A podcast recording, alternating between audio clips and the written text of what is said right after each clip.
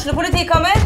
Ine Jansen er purk. Er du purk? The motherfucking bitch. Alt jeg vil, er å finne ut hva som skjedde med mannen min. Jon Carew. Er jeg sikta for noe? Iben Akeli. Det er du. Ole So, Lars Berrum og Big Daddy Karsten. Hvem sin side er du på, egentlig? Anette Hoff, Tone Danielsen, Kommer du fra Afrika? Jørnis Josef, Nesten. Kløfta. Trond Espen Seim, Det er synd å si det, men det var feil mann som døde. Purk. Premiere tirsdag på TV2 Play. Hei, og velkommen til en ny episode av Debrif med Dag Sørås. Spiller inn denne episoden med lille Rick Dog liggende ved siden av meg. Eh, fruen spurte sånn eh, Eller spurte, hun spekulerte sånn helt seriøst her en kveld. Så sier hun bare, helt ut av det blå, jeg lurer på om Rick er litt, litt treg. Så jeg bare, hva mener du? Om, om han er litt dum? Og jeg ble sånn, Jesu navn, ikke si at det skal være noe med denne bikkja også. Men vi kjøpte jo han som en backup fordi Morty Dog er allergisk mot fuckings livet.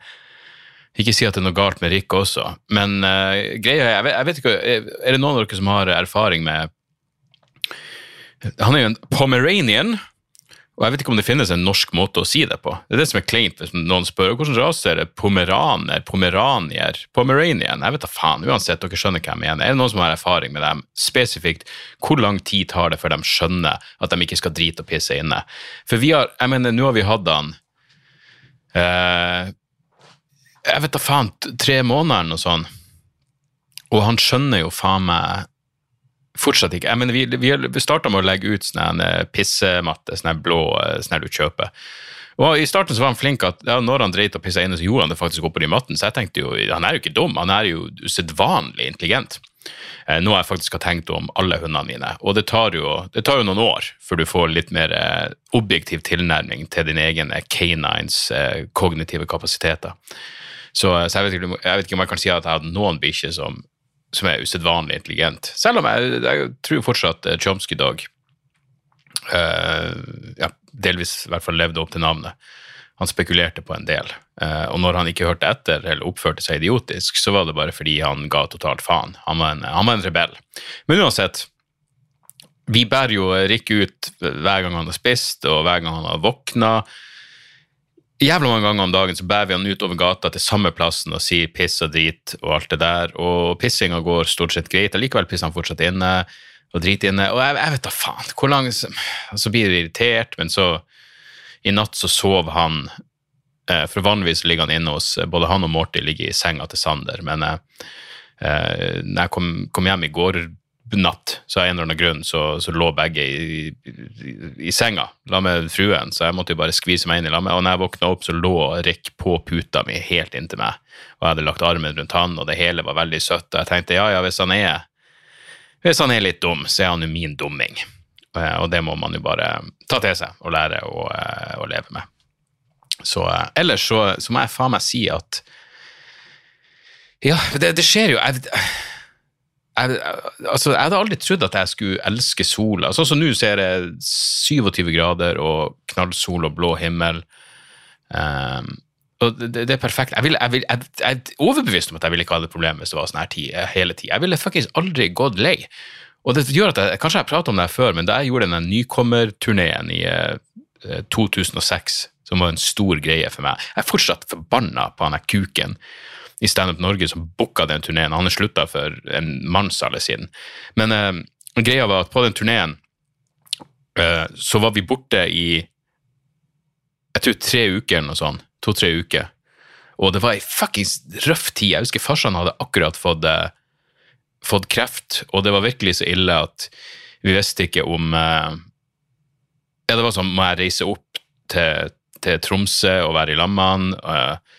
Faktisk morsomt. Jeg blir fortsatt provosert av å tenke på det. Det var så mange overlegne fuckings kuksugere av noen leger på Tromsø universitetssykehus, og det var de sykepleierne, eller hva enn de ja, sykepleierne, de var empatiske og medførende, men helvete noen av de her legene. Eh, på et tidspunkt så spurte morsan sånn, for farsan hadde ekstremt høy feber, og hun spurte sånn seriøst, bør jeg ringe ungene mine? Og liksom si at de må komme opp, liksom nærmer det seg slutten. Og da svarte legen, det er nå din avgjørelse.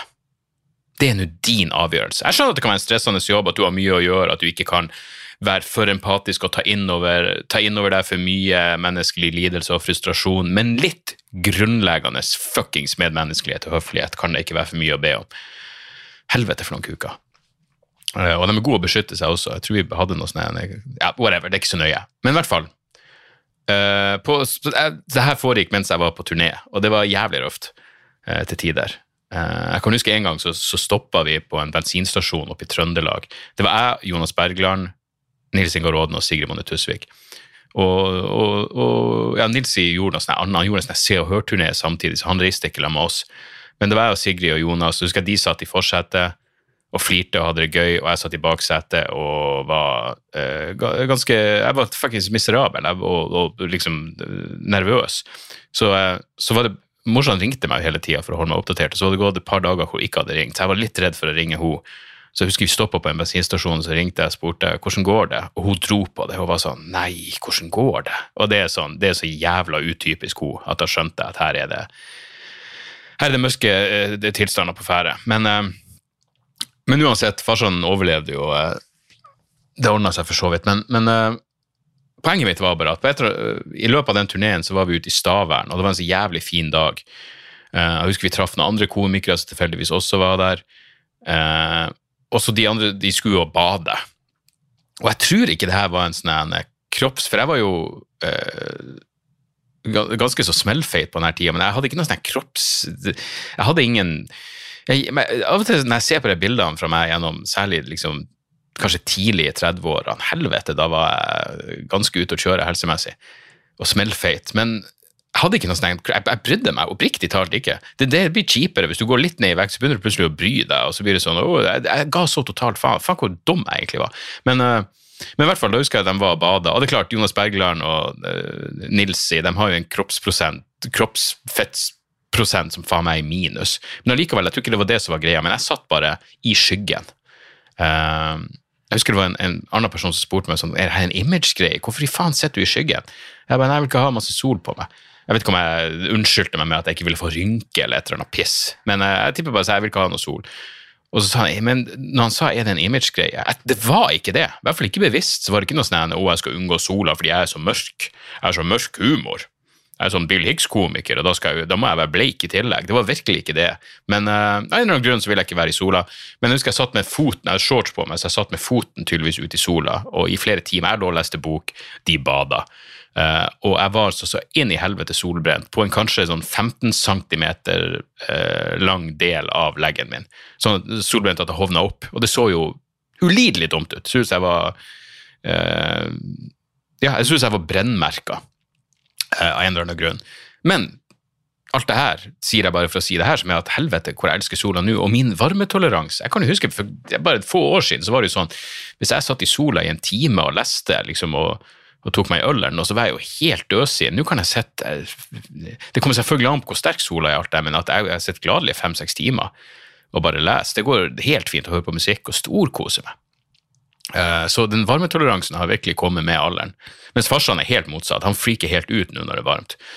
Hvis jeg prater med han på telefonen og sier at det er 27 grader, så begynner han å svette, selv om det er 9 grader i Narvik. Så eh, ja, nei, det er noe med det der. Det, det, og det har kommet det har liksom kommet naturlig, den varmetoleransen. Men jeg må innrømme, jeg, jeg, jeg er fortsatt redd for å få sånn ene At det bare skal dukke opp et eller annet som fucker opp. Eh, for jeg lurer på om ting er arvelig. Liksom så, ja, farsan igjen, han, han, hadde, han fløy hele tida med jobben eh, ei stund, og da var det jo Widerøe-fly og ja, små fly og, og alt det der. Og så plutselig begynte han å få eh, klaustrofobi på fly. Eh, Sånn at han nesten gikk av et fly en gang. eh, At han bare, at han bare storma av flyet før, det, før de liksom var inn i lufta. Um, hadde han storma av flyet i lufta, så tror jeg ærlig talt jeg vil ha en vits om det. Men, eh, men i hvert fall han, eh, han, han klarte liksom å bite i seg, men han fikk så nøye at han, han, måtte liksom ha valium for å fly etter det. Og av og til når jeg tenker på det når jeg sitter på fly, så kan jeg få den ene, da dukker det gamle angst, fordi selv om jeg er kvitt angstproblemet mitt, så er det jo bestandig der i Det er vel en sånn ting du bare lærer deg å leve med. Jeg, vet- jeg vet egentlig ikke, det føles som jeg er helt kvitt det, men av og til så kan det dukke opp sånn en, Sånn som hvis du har eh, hvis du har en røff eh, Jeg vet da faen, hvis du går gjennom en røff periode, så har min taktikk liksom i det siste vært å, å oppriktig prøve å ikke tenke frem eller tilbake i tid. Uh, så jeg gikk tur med, Morty en dag, og, så var jeg, og, ja, og det var mye sånn Jeg vet da faen, jeg gikk og tenkte på, på tunge ting. Og så så fikk jeg sånn La meg bare høre på noe musikk, ikke podkast, ikke noe som setter i gang en eller annen tankeprosess. La meg bare høre på noe, noe musikk, og så bare nyte musikken. Jeg satt på Lights Out-skiva til Graveyard. Eh, fantastisk album. Eh, helvete, altså Heasing and Blues i 2011 og så Lights Out i 2012. Det er, to på rappen som er ganske optimale. Men i hvert fall, jeg bare gikk og hørte på det og prøvde å ikke Hver gang jeg merka at jeg tenkte bak i tid, liksom, å, livet var så bra før og så mye lettere før, eller frem i tid, hva hvis ikke, ikke sant? Alt det faenskapet som, som man gjør. Jeg klarte å bare gå i mine egne tanker og fokusere i øyeblikket, og jeg klarte nå over en, ja, ei stund. Men plutselig så lå jeg bare på sofaen og, og så på et eller annet, og så plutselig merka jeg at jeg fikk et sånt Jeg tror jeg jeg, jeg sovna litt, og så våkna jeg opp og skvatt, og da var jeg tilbake i sånn Det føltes som jeg skulle få et panikkanfall, og jeg lurer på om det er fordi det er jo egentlig ikke sunt å gå og undertrykke egne tanker. Det er bare en, en, en, en overlevelsesmekanisme eh, til tider som man bare må gjøre for å liksom klare Hvis du har noe, noe annet du er nødt til å fokusere på. Eh, men jeg tror også det var sikkert der mye av angsten min kom ifra, at jeg undertrykte eh, tanker, følelser, ting jeg burde ta tak i. Og når jeg da bare fuckings brutalt konfronterte meg sjøl, så, så, var det et ledd for å bli, bli frisk. Gud, hva er det jeg prater om? Det her er jo faen meg eh, psykologisk halvtime med Dag Sørås. Nei, det, det, det, var egentlig ikke det jeg hadde Det var ikke det jeg hadde planlagt, i den grad jeg hadde planlagt eh, noen verdens ting. Men varme er digg. Og eh, det her er ei en fin uke. Jeg har, eh, jeg har latteruke. Så jeg står på Latter tirsdag til og med fredag, og så på lørdag skal jeg på Øya. Gleder meg jævlig til det. Selvfølgelig se Kvelertak. Jeg har lyst til å se Blodkvalt. Interarma skal jeg omsider få sett live. Og First Aid Kit har jeg aldri sett live før heller, så, eh, så jeg gleder meg som faen. Skulle selvfølgelig gjerne vært der eh, i kveld. Jeg spiller inn her på torsdag. Uh, hvis du er på Patrion, patrion.com, så får du podkasten uh, med en gang jeg har spilt den inn. Uh, mens resten av får, dere får den klokka fem på fredagsmorgen. Eh, og det er tanken at det skal være min schedule fremover. Så uansett, Øya på lørdag gleder meg som faen. Eh, latteruka går eh, så langt fint. Det, vi er jo på den ute, utescena. Og jeg er ikke noen stor fan av den scenen. Det er med det er for lyst, og folk, det, det, er ikke intimt nok. og Helvete, i går var det altså et sånt publikum. Men uansett, på fredag, nei, på tirsdag, første, første dagen, jeg følte meg litt sånn rusten, så jeg kom ned der. Og så er det en sånn annen scene satt opp rett over gata fra, fra utescenen der de har en sånn øyaklubb eller et eller annet. Og de skulle ha noen konsert der, så vi var flytta inn på klubbscenen, og var så, jeg var så jævlig letta. Fordi jeg var litt stressa fordi jeg skulle på sist. Eh, og da er det akkurat så du føler du må jeg vet da faen, det føles som du må levere, men jeg har lyst til å teste ut litt ting, og bla, bla, bla. Men det var så jævla digg at vi bare skulle være inne, så jeg var sånn Skal vi være her hele uka? Bare nei, det kunne en kveld. Jeg bare faen. Men i går var det utescene, da, og uh, ja, det var faktisk jævlig gøy. Uh, siste showet, det var altså Det var et publikum der eh, Konferansieren spør jo sånn Er, er dere her for å se noen spesielle? Og i går så var det sånn Ingen visste hvem, hvem som skulle stå. Ingen hadde den fjerneste anelse. De er åpenbart ikke humorfans. Så mange av dem er der med jobben, ikke for å se standup. De prater, de ser på telefon, de ser på folk som går forbi. Eh, men særlig på det siste showet, faen altså, jeg føler at jeg naila det, fordi jeg ga så totalt faen. Jeg måtte si til Ole, en av de andre komikerne som sto, uh, bare sånn, det her er virkelig en av de kveldene du bare har lyst til å bli ferdig. og så sa han sånn, hva er forskjellen på det og enhver annen kveld? Og jeg ble sånn, jeg vet faen, det, det, er jo av, det, er jo mange ganger man gleder seg til å gå på scenen, men det her var bare sånn, jeg, jeg, jeg, jeg hater de folkene, jeg har lyst til å bare bli ferdig. Men faen, de var, de var med. Jeg fikk dem over på min side. Så det føltes eh, jævlig bra i forhold til det jeg har av, av, eh, i hvert fall noe av nytt materiale. Og jeg skal som sagt gjøre testshow eh, på, eh, på Nye Scene neste uke. Neste torsdag, fredag og lørdag. Koster bare 160 spenn, fordi da skal jeg bare fuckings gå gjennom det jeg har av nye ting, teste ut litt ting, fucke rundt med senka skuldre. Så eh, torsdag, fredag og lørdag, hva det blir, 18., 19. og 20. august klokka 17.30. Så eh, starte tidlig, vi er ferdig til kvart på syv-tida. Eh, kun 160 spenn. Kom gjerne innom. Eh, og så skal jeg gjøre flere eh, testshow i løpet av, i løpet av, av høsten. Det er ikke så mange som er ute ennå, men jeg kan jo plugge de få som er. klar. Uh, uh, ja, Lor jeg skrev Lorris i Førde. Jeg prøvde å google Lorris i Førde for å prøve å finne om det, de har lagt ut noe arrangement her, men jeg skal i hvert fall en eller annen plass i Førde 7. september. Og så skal jeg til Dampen i Sæbø 8. september, men den ble utsatt på bare en time, eller noe sånt, så det var jævlig gøy. Um, så skal jeg gjøre en greie under Stavanger humorfestival eller et eller annet sånt med, og det her er lineupen sin. Det er Jan Tore, det er Hans Magne og det er meg på Folken i Stavanger 17. september. Um, det blir jævlig gull. Og så skal jeg til Bjugn, Bjugn kulturhus på Ørland uh, 30.9., og så festiviteten i Levanger 1.10. Det kommer flere til show. Men da er det liksom jobbe frem materialet til neste show, som skal ha premiere i, uh, i februar 2023. Og så er det en ting til. Jeg har, jeg har nevnt det her på, på uh, Patreon, en av bonusepisodene på Patrion, men jeg har jo forstått. Jeg er ikke den beste på å liksom henge med på det som er det nyeste jeg vet da sosiale medier alt det der. Jeg, jeg, føler jeg er ganske middels på hele greia, i form, men jeg skjønner jo at det er der man burde promotere seg. Og det her med å legge ut eh, små klipp, eh, ikke bare i forhold til små klipp fra show man allerede har filma og fått ut, men også filme showene. og Hvis det er noe, jeg vet da faen, hvis det skjer et eller annet, eller det er noe crowdwork, eller man har noe vits som bare vil være aktuell i noen dager Så her er greia. Hvis du er god til å klippe Altså Hvis du syns videoredigering er enkelt, hvis du ikke syns det er noe stress å, å, å klippe et klipp, altså redigere et standup-klipp, plukke ut hvis, hvis, jeg gir deg vrangforestillingsshowet, klarer du å plukke ut vitser? Skjønner du hvor Og det her mener jeg ikke på en flåsete måte, jeg mener det seriøst, for det er ikke noe selvfølge at alle forstår det, men skjønner du hvor vitsen begynner og hvor den slutter? Skjønner du hvor det er naturlig å avslutte vitsen? Kan du tekste Klepp? Hvis det ikke er noe big deal for deg, og du kunne tenke deg å, å, å, å gjøre det for meg eh, Selvfølgelig betalt arbeid. Hvis du er mann eller kvinne, eller hva enn eh, du identifiserer deg som, for denne jobben, send en mail til stian at feelgoodistage.no. Stian at f-e-e-l-g-o-o-d-i-s-t-a-g-e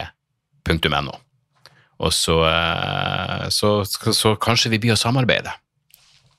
Utenom det så har Amnesty fått litt eh, kritikk i det siste. Flere folk har meldt seg ut av organisasjonen fordi de kom ut med en rapport som handla om uh, at uh, det ukrainske militæret har visstnok uh, Amnesty sier i hvert fall brutt folkeretten i visse, i visse tilfeller, og ikke beskytta sivile godt nok, og, og kjempa fra Eh, både skole og tettbefolka områder. Um, her er grunnen til at man burde lese litt forskjellige medier. Når folk er sånn 'Å, mainstream media' og, uh, ja, det er klart, Jeg vet ikke om Klassekampen kan regne, men det er derfor jeg leser uh, Aftenposten og Klassekampen. Fordi Klassekampen hadde et på lederplass i dag så hadde de et forsvar for Amnesty og rapporten. Og i Aftenposten så hadde de en krass kritikk, hvor de nærmest kalte det en skandale. Uh, jeg kan se begge sidene av saken. Jeg kan se den ene, jo, men vi må bare rapportere det sånn som det er. Jeg mener, Hvis det er noe feil i forhold til det faktiske, liksom hvis de, de, hvis de sier at ukrainske militære har brutt folkeretten, og sånn, det viser seg ikke stemme Hvis det er noe faktafeil, så er jo det selvfølgelig høyst problematisk. Men jeg kan se begge sidene av saken bare i forhold til det å rapportere faktiske forhold. For det er jo selvfølgelig ingen tvil. Jeg hører jo allerede at russerne, vanlige russere har ikke tilgang på Amnesty-rapporten. Amnesty er blokkert i Russland, men russiske myndigheter og botter osv. driver selvfølgelig og deler en veldig bestemt del av rapporten hvor, eh, hvor Ukraina blir fordømt, men de fjerner den delen hvor det står at selvfølgelig har russerne gjort verre ting. Uh, jeg skjønner at Ja, så, så jeg, jeg ser jeg ser begge sider av den saken. Jeg er ikke 100% sikker på hva jeg mener. Men visstnok så sa lederen i Amnesty Norge på Dagsnytt 18 eh, jeg har ikke hørt det, men det sto i eh, en kronikk i Klassekampen i dag at eh, han hadde sagt at han hadde vel beklaga For jeg tror lederen for Amnesty i Ukraina gikk av etter denne rapporten.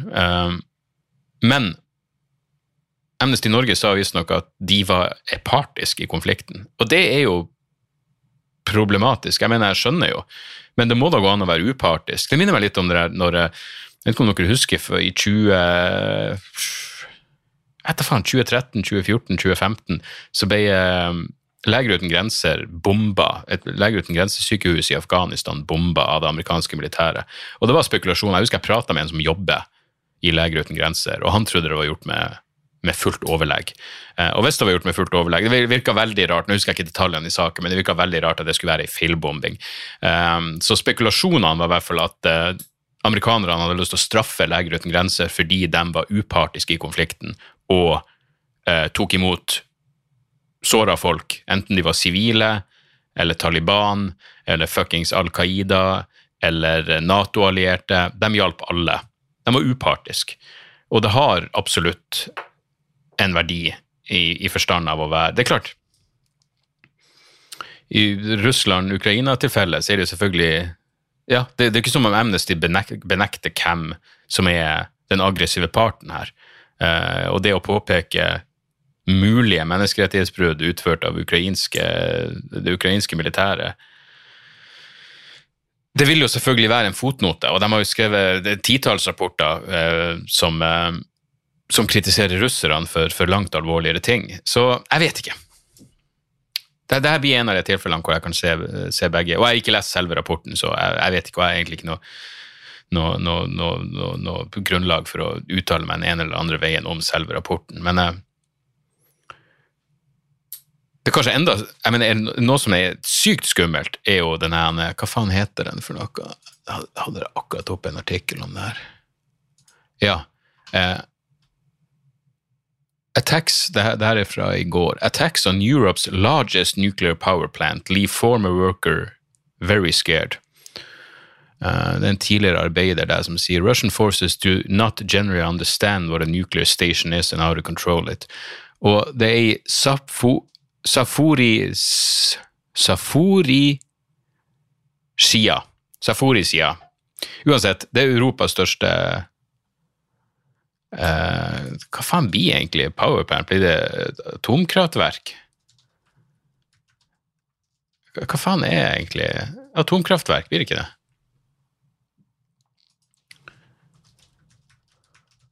Rart at jeg ikke har en sånn enkel over. Atomkraftverk, ja, nettopp. Eh, Europas største atomkraftverk. Etter sånn som jeg har forstått det, så driver russerne og angriper Ukraina fra eh, fra det her atomkraftverket, som er jeg mener, seriøst kynisk. Jeg mener, en ting hvis du ikke er Hvis jeg skal bare finne det på det jævla kartet Safori Power Plant. Ja, uansett. Eh, fordi det er jo sinnssykt eh,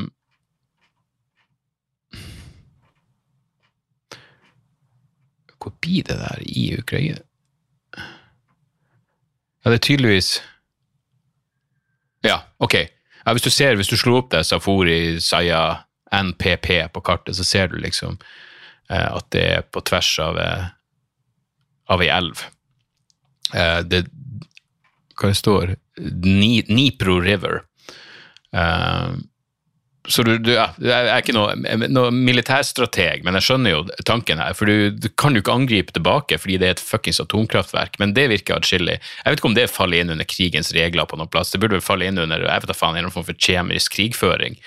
Eh, I hvert fall, i hvert fall indirekte. Men det her høres jo helt hinsides eh, livsfarlig ut. Og eh, jeg vil tro det kan få seriøse fuckings eh, Skal vi se Energoatom, Ukraine's national energy company, said in an update Wednesday that the Russian attacks have caused a serious risk to the safe operation of the plant, with monitoring sensors damaged and a possibility of radioactive leaks. It added that the plant remains operational and continues to produce energy for Ukraine. It added that the attacks had damaged a high voltage power line that served the Safrusia and Kherson regions. Russia has denied shelling the plant, instead accusing Ukraine's 44th Artillery Brigade of launching attacks on it from the nearby town of Marganets. Ja, skumle fuckings saker. Jeg driver på med bok om uh, atomvåpen nå, det er faen det, det, er den type ting som kan, som kan holde deg våken litt. Det er rett og, slett, eh, rett og slett det. Men uansett, poenget mitt var bare i forhold til hva man skal legge fokus på. Skal du fokusere på ukrainske menneskerettighetsbrudd? Jeg husker det var en sak om at transkvinner blir holdt igjen på den ukrainske grensa fordi vakten sier at de er menn. Og da blir det sånn, ja, skal vi, skal vi ha mye fokus på uh, transfobe holdninger i Ukraina, eller er det, er det rett å fokusere på akkurat det? det hvem vet? Uh, for gudene skal vite at ikke trygg, du er ikke akkurat trygg som transperson i, i Russland heller. Så fuckings horrible saker, og det er vel dessverre lite, lite som tyder på noe, noe snarlig ende på den krigen. Som er, selvfølgelig, de vitsene jeg har om krigen Jeg tror ikke det er noe stress med at uh, ingen kommer til å være sånn Hæ, krig i Ukraina, hva du snakker om? I, I, februar 2023 blir det nok dessverre å være like jævla aktuelt. Um, så jeg, jeg fortsatt betalende medlem i Amnesty, selv om jeg skjønner fullt ut Jeg har sett liksom uh, verifiserte Twitter-kontoer med folk i det ukrainske militæret som liksom eh, anklager Amnesty bokstavelig talt for å suge russisk kuk russisk statlig kuk. Og, eh, og jeg, jeg, ser den også. Jeg skjønner. Jeg skjønner det sinnet. Eh, det er også interessant eh, Israel har jo nå den nærmest rituelle slakt av sivile på Gaza. Det er veldig vanskelig å ikke drepe sivile på Gaza. Jeg lurer på om det er det mest tettbefolka området på planeten. Amnesty igjen kaller Gazastripa en open air prison. Men der hadde Arbeid, nei, Arbeiderpartiet, det er fordi jeg tenkte Ap, der hadde Aftenposten en eh, veldig bra artikkel i dag hvor de hadde bilder av alle de mindre ungene som er blitt drept i den siste offensiven. Breaking Dawn heter den jævla. Jeg lurer på hva det er som setter å komme på det forbanna uh, titlene som de ene uh, fuckings masseslakten får. Israel har drept 2000 barn siden år 2000. 2000 unger på Gazastripa. Uh, men det er klart det er jo Hamas-babyer, det er jo niåringer som ville blitt medlemmer av islamistisk jihad hvis de ikke blir drept. Så det er Poenget mitt var bare at ja, du, du, du vil ikke blunke hvis Klassekampen hadde den type artikkel, men faktisk Aftenposten. Der har du mainstream media. Hadde en veldig bra greie med fokus på, på alle de ungene som blir, eh, som blir drept. Uh, så det er, det, det, ja, det, det er rart med de folkene på Gaza, at de ikke skjønner at de må bare legge seg ned og dø i stillhet og slutte å gjøre noen form for motstand. Ikke sant? La nå bare Israel ta over de landområdene de vil ha, og så får dere noe Hva enn som blir igjen, får dere, og så kan dere kalle det Hva faen var det Jeg husker det var et sånt sitat av en israelsk tjenestemann. Jeg husker ikke hvilken regjering det var, men uh, ja, om det var kyllingsuppe eller potetmos eller Det var sånn Ja, hva enn som blir igjen, kan dere få, dere kan kalle det Kall det en stat, kall det fuckings hva du vil. Kall det potpurri. Hva enn du vil kalle det. Uh, men vi vil ha de delene uh, av, eh, av palestinsk land som eh, er fruktbar. Eh, så sånn er nå en gang det. Det var også noe jeg, jeg så på bare på YouTube. Jeg prata vel i forrige episode om liksom, pass på med forbilder helter folk hvor du bare tar det de sier for god fisk. Min eh, Noam Chomsky, som jeg har pratet om en million ganger. Uten tvil den politiske tenker som har påvirka meg mest han har ute klippa, han har vært på Russell Brand sin podkast, Jesu navn. Da burde du heller gå på Sam Harris sin podkast, Chomsky, og ha en ordentlig samtale. Uh, selv om Sam Harris La meg bare si det. Sam Harris, Jeg, jeg, jeg, jeg pleide å høre ganske religiøs på hans podkast hver episode. På et eller annet tidspunkt så ble han bare uinteressant for meg. Uh, han ble for dypt ned i den kulturkrigene, og uh, jeg, jeg mista interesse for Sam Harris. Men jeg har jo den appen hans, uh, Waking Up, og der har Oliver Berkman nå en uh, greie som jeg, jeg, skal starte på, som heter Time Management for Mortals. Uh, Oliver Berkman er jo mannen som skrev den briljante boka 4000 Weeks, som handler om at uh, gjennomsnittlig levealder er bare 4000 uker. Så, så, den gleder jeg meg til å, til å, sjekke. Og Sam Harris er jo mer interessant på den type tematikk. Du vil i hvert fall ikke høre han i fuckings prate om Israel, for der er han bare voldelig uvitende. Men Chomsky var også på ville veier med Russell Brand, hvor han prata om Hva det var han sa? at det amerikanske altså USA er mer totalitært enn post-Stalin post Sovjetunionen. Og det var sånn, Er du sinnssyk i hodet? Noen påpekte at han hadde sagt at Chris Hedges var bannlyst i USA. og det er sånn, Chris Hedges jobber som journalist i USA, hva er det du snakker om? Chomsky henger ikke helt med, men det er klart, han er jo faen meg Kan jeg tre Født i 1928, så han blir 94, han er 93 år. 93 år gammel. Eh, en annen kar som daua eh, på 103-årsdagen sin, eh, James Lovelock, han var en interessant fyr. Han hadde en sånn jeg, ikke- jeg tror det var hans idé. Han hadde en sånn Hva faen heter det? Gaia-hypotesen.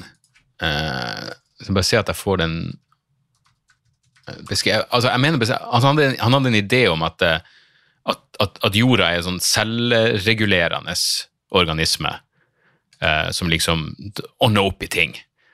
Um, og at levende organismer har er i et eh, liksom i et, et eh, en evigvarende interaksjon med uorganisk eh, materiale. Og det, ja, gudene vet eh, at jorda vedlikeholder eh, eh, Jorda vedlikeholder en kapasitet for, for, for, for liv på planeten. Uh, selv om man selvfølgelig også uh, var livredd for uh, og, og engasjert i, eh, i, i klimautfordringene og klimakrise og alt det der. Men det fikk meg plutselig til å tenke på, for han døde på 103-årsdagen sin, som er en ganske kul ting å gjøre. Sovna inn med familie og venner rundt seg. Så det, det høres ut som en, en grei måte å en grei måte å gå på når du ble 103 og tydeligvis var skarp og oppegående helt til, til, helt til slutten. Men denne Gaia-hypotesa har jo blitt um, appropriert av mye sånne New Age-idioter og all slags spirituell visvas, og, uh, og legger liksom eh, litt, for, litt for mye uh, Litt for mye i den her ideen om jorda som er selvregulerende organismer, altså at det, at det er noe ja, at det er noe spirituelle aspekter her, eller at det, det, jorda er lagd sånn med overlegg av en eller annen skaper. Ikke sant? Det er sånn så Poenget mitt er at det finnes en, en mothypotese, den heter Media Hypothesis. og Det kom jeg på ennå til å lese den boka om. Jeg kjøpte ei bok for ja, den- Da den kom ut, sånn slutten av 2000 Hvis jeg slutten av slutten av 2000-tallet? Altså, Den kom ut i 2008-2009. En fyr som heter eh, Fred Ward. Og han har den motsatte teorien, som er at jorda er en, altså en selvdestruktiv og og suicidal organisme. Som er selvfølgelig er spennende og atskillig mer eh, mottagelig for at jeg kan eh, bruke det i standup-materialet. Eh, så, eh, så, så vi får se. Men det er et eller annet med når folk eh, når folk uh, dør i, i god alder, da er det liksom Og har levd et bra liv. da er det, Derfor jeg kan huske liksom da, da eh, mormora mi, som jeg hadde et ekstremt nært forhold til, eh, da hun døde Ekstremt nært forhold. Jeg mener ikke det på en kinky måte, men var, hun, hun var alt for meg. Da hun sovna inn Hun, hun døde, hun sovna bare inn i en alder av 86-87. Eh, la seg på kvelden og våkna ikke igjen. Det er en ganske grei måte å gå på. Men jeg fant ut at, eh, at eh, Elliot Leighton, eh, en kanadisk sosialantropolog, døde i februar i år. Og Elliot Leighton var han, han var en av de fremste ekspertene i verden på seriemordere. Og jeg tror FBI har brukt han. Han skrev en sånn klassisk bok som heter Hunting Humans.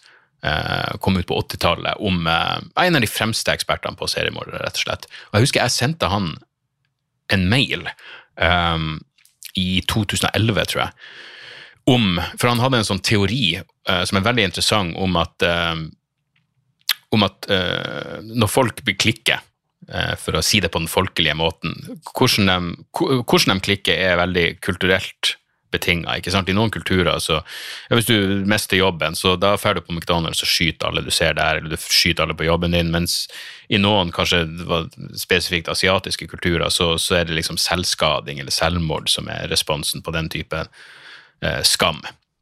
I hvert fall, Jeg sendte han en mail om det, jeg husker ikke nøyaktig hva jeg spurte om. Eh, og da hadde jeg en sånn greie om hvor uh, nettsida mi hadde en automatisk Altså På mailen min så hadde jeg automatisk underskrift med link til nettsida mi, som egentlig var idiotisk. Men uansett, jeg sendte han en mail, og så svarte han på det jeg spurte om, og så fikk jeg en ny mail, og viste seg han, han hadde gått inn på hjemmesida mi og sett på noen av standup-klippene som lå på engelsk der, og digga dem. Så jeg tror jeg brukte dem Faen meg se om jeg har det liggende enda. Jeg husker jeg la det ut på hjemmesida mi som et eller som en sånn omtale. Eh, Nei, jeg har dessverre fjerna det. Faen. Men det var, det var jævlig gøy, i hvert fall. Det var kult å ha liksom eh, at eh, Ja, et, et, et, akkurat som en standup-blurb. En omtale fra en av verdens fremste spesialister på seriemordere. Det var et eller annet, et eller annet som var, var kult med det. Så, eh, så RIP til både Elliot Laton og og James Lovelock for gode og lange liv levd. Eh, der er vi på 34. Faen, jeg er nødt til å, nødt til å komme meg i dusjen, og så er jeg nødt til å komme meg ned på latter. Uh, jeg driver fortsatt og selvfølgelig det er ting, det blir spennende. Neste Alex Jones-sak. Det slo meg her om dagen. Det er Alex Jones-sakene. Uh, han er jo dømt, eller han blitt ja, funnet skyldig i ærekrenkelse, så neste sak er i Altså, han ble jo dømt til å betale hva det var, 450 millioner kroner. Problemet er at Texas har en sånn, eh, hva de kaller det, en cap-lock, altså et, et topplokk på hvor mye du kan måtte betale. Men han har én sak til i Texas, og så har han en i Connecticut, og de har ikke et sånt topplokk, så jeg håper jo at han blir, eh, må betale seg inn i helvete mange hundrevis av millioner i erstatning der. Men poenget mitt var bare at Alex Jones-saken, det er min Johnny Depp Amber Heard-sak. For Johnny Depp og Amber Heard var sånn hvor folk bare sykelig fulgte med fordi det var så spennende. Ja, det var, det var gøy til tider. Eh, men Alex Jones er min eh, Depp Amber Heard. Um, så, så der så. Og så var det også, bare for å nevne det her, hvis dere har den type eh, morbide eh, fascinasjoner som jeg har. Jeg hadde jo en vits i eh, jeg tror det var i Demokrati, om at dødsannonser bestandig ligger bakom en betalingsmur. Eh, og så er det sånn vanskelig, for jeg, En gang så måtte jeg spørre mora mi når hun var yrkesaktiv, for hun kunne sjekke opp eh, eh, dødsregistrene, hvem som var nylig registrert død. Og så var det en fyr som bare jeg gikk av så jeg, jeg lurte på hvor det ble av han, så jeg lurte på om han var død eller ikke, og så fikk jeg henne til å sjekke det opp. Men en, en lytter sendte meg link, det er en stund siden, men hun sendte en link til min, minnesider.no. Det er vareminnesider.no. Der er visstnok alle, alle dødsannonser. Eh, Så hvis jeg er inne nå, og den siste fra åttende, ja. Eh, Og der kan du søke på navn, sted eller år eh, for eh, folk som har eh, strøkket med. Så, eh, så der har dere den, bare sånn i tilfelle. Yes, det var det. Et par uh, tips på slutten. Uh, jeg driver og ser The Anarchists på HBO Max, eh, serien om uh, Altså, jeg er jo på mange måter fortsatt anarkist, men jeg er jo en anarkist i Kropotkin, Daniel Gerin, altså venstreside, Bakunin, Uh, Chomsky selvfølgelig har jo popularisert denne jeg ser på anarkisme som et, som et et, et, filosofisk utgangspunkt. Ikke sant? En idé om at alle former for autoriteter er illegitime så fremst de ikke kan rettferdiggjøres. ikke sant? Eh, og Av og til kan de rettferdiggjøres, men når de ikke kan rettferdiggjøres, så burde de eh, fjernes. Men uansett, du har jo også eh, anarkokapitalister og anarkister som kommer fra liberalistsida i USA, som er atskillig mer høyre, og etter min mening ganske sinnssyk. Men eh, The Anarchists handler om en sånn gjeng. Det handler om noe som heter Anarko, Anarko-Pulco, hvor en gjeng da prøver å dra uh, til Mexico og starte et slags idealistisk uh, lite samfunn og ha en sånn årlig konferanse. Og selv om de er anarkister, så blir det selvfølgelig både hierarki og intriger og drap. Men det er en, jeg syns det er en jævlig interessant serie. Det er muligens ikke for alle, men jeg ble veldig oppslukt i det. Og jeg hadde jo hørt intervju med henne som ja, det, det er en scene der hvor ei dame blir intervjua av en fyr som heter Thaddeus Russell, som jeg likte før, og som nå er blitt eh, helt brunskjorte og sinnssyk. Men jeg hørte på den podkasten da den kom ut. Helvete! Hei. Eh, det, bare la meg gjøre meg ferdig. Ja. Skal vi se. Skal du si hei til mine kjære lyttere? Hei, hei. Faen, altså. Vanskelig. Jeg er fuckings svett jo derfor det. Der. Vær så god. Så jeg er fortsatt sterkere enn det. Jo, det tror jeg. Si ikke at du ikke spurte om hjelp. Uh, uansett, uh, The Anarchists på HBO Max anbefales. Og så så jeg en film som heter Pleasure, som eh, var ganske ubehagelig, særlig for en pornofantast som meg. Uh, det er en film jeg har sett Ninja Tyberg. Sofia Kappel heter hun hovedrolleinnehaveren. Den handler om ei svensk dame som drar til LA for å bli eh, porrstjerne, og den er den er tidvis ganske ubehagelig. Gode skuespillere er jo altså Jeg syns jo det er Jeg synes pornoindustrien er interessant. og den, jeg, jeg tipper den fremstiller den på en eh, ganske så realistisk måte. Eh, det er noen veldig ubehagelige scener der, og blant annet ei scene som er som liksom skal være en sånn røff scene. Uh, og hvor hun liksom ikke helt vet hva hun går til, og det blir jævla mye røffere enn hun regna med. Og hver gang hun sier kutt, eller ja, liksom, hvor de avsl avslutter filminga, så er de to skuespillerne så hyggelige. Det er virkelig noe sånn creepy og, og passiv-aggressivt med hele greia. Så uh, ja, ekkel film. Men det som er rart, er at det er flere ordentlige pornoskuespillere med, sånn som han uh, Hva i faen? Ja, det, jeg så i hvert fall en, en, fyr som heter Mick Blue, Dana DiArmande med. Men han er en jævla eh, Det er en sånn agent. Sykt ekkel fyr, men han skal visstnok være en av de eh, mest ettertrakta pornoagenter. Hvis du blir Stigler, et eller heter han. Og han spiller seg sjøl Mark Spiegler, jeg, eh, tror jeg talent actor. Ja, jeg, jeg, tror det er Mark Spiegler. Spiegler girl, kaller de det. Alle har lyst til å bli Spiegler girl, inkludert hun her dama, og må bare gjøre en double anal først, og det er heller ikke hyggelig scene.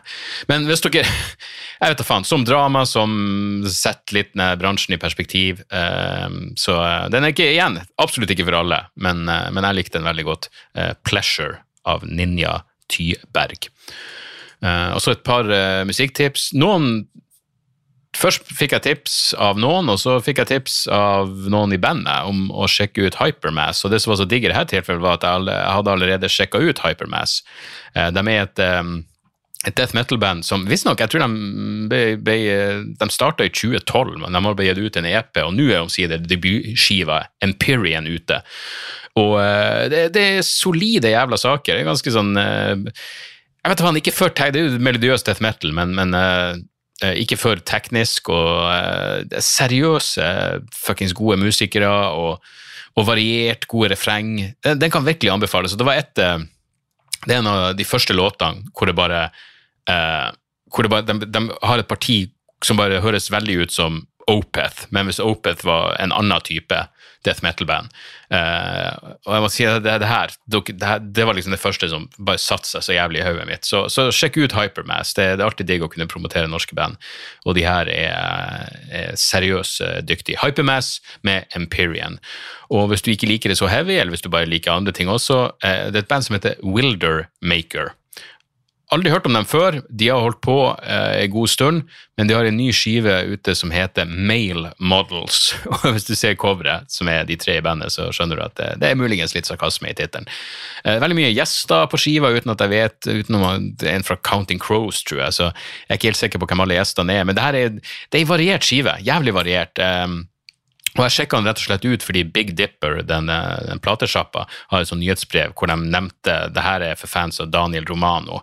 Og jeg skjønner nok hva de mener, men det er en blanding. Det er liksom, det er fucking, det er soul og folk og, og rock og indie-rock og faen vet. Eh, blant annet, hvis du er litt usikker, sjekk ut. Eh, altså, New, det er en låt som heter New Anxiety, som er helt chill, og så er det en som heter Static som er, også er jævlig bra. Uh, så jeg må høre mer på den for å komme ordentlig inn i den, uh, men uh, jeg liker det jeg hørte. Jeg, jeg, jeg hørte gjennom den to ganger i dag bare mens jeg leste avisa der jeg sto opp. Så, så Male Models med fuckings Wilder Maker. Så der. Det var det hele. Til neste uke så uh, får dere bare kose dere. Jeg skal på Øya på lørdag, og jeg gleder meg noe så inn i helvete. Faen, jeg håper det blir bra vær. Noe øl og noe fuckings kvelertak og interarmer og First Aid Kit. Satan. Rock lenge leve levende musikk. Og levende underholdning. Levende standup. Kom kom og se noe testshow, og så, uh, så ses vi der ute. Vi snakkes snart, folkens. One love, tjo og motherfuckings hei moderne media. Har du et enkeltpersonforetak eller en liten bedrift? Da er du sikkert lei av å høre meg snakke om hvor enkelt det er med kvitteringer og bilag i fiken, så vi eh, gir oss her, vi. Fordi vi liker enkelt. Fiken superenkelt regnskap.